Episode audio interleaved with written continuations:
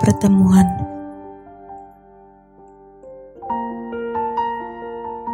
Perempuan mengirim air matanya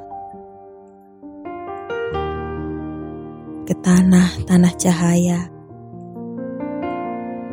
ke kutub-kutub bulan,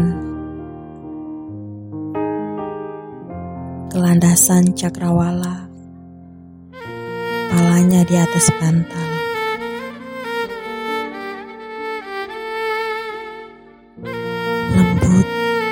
Bagai biang lala.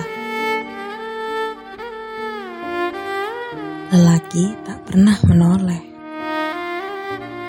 dan di setiap jejaknya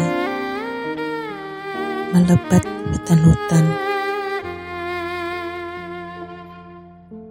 Hibuk pelabuhan-pelabuhan. Di pelupuknya sepasang matahari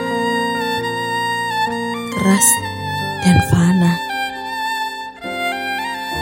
dan serbuk-serbuk hujan. Tiba dari arah mana saja. Cadar bagi rahim yang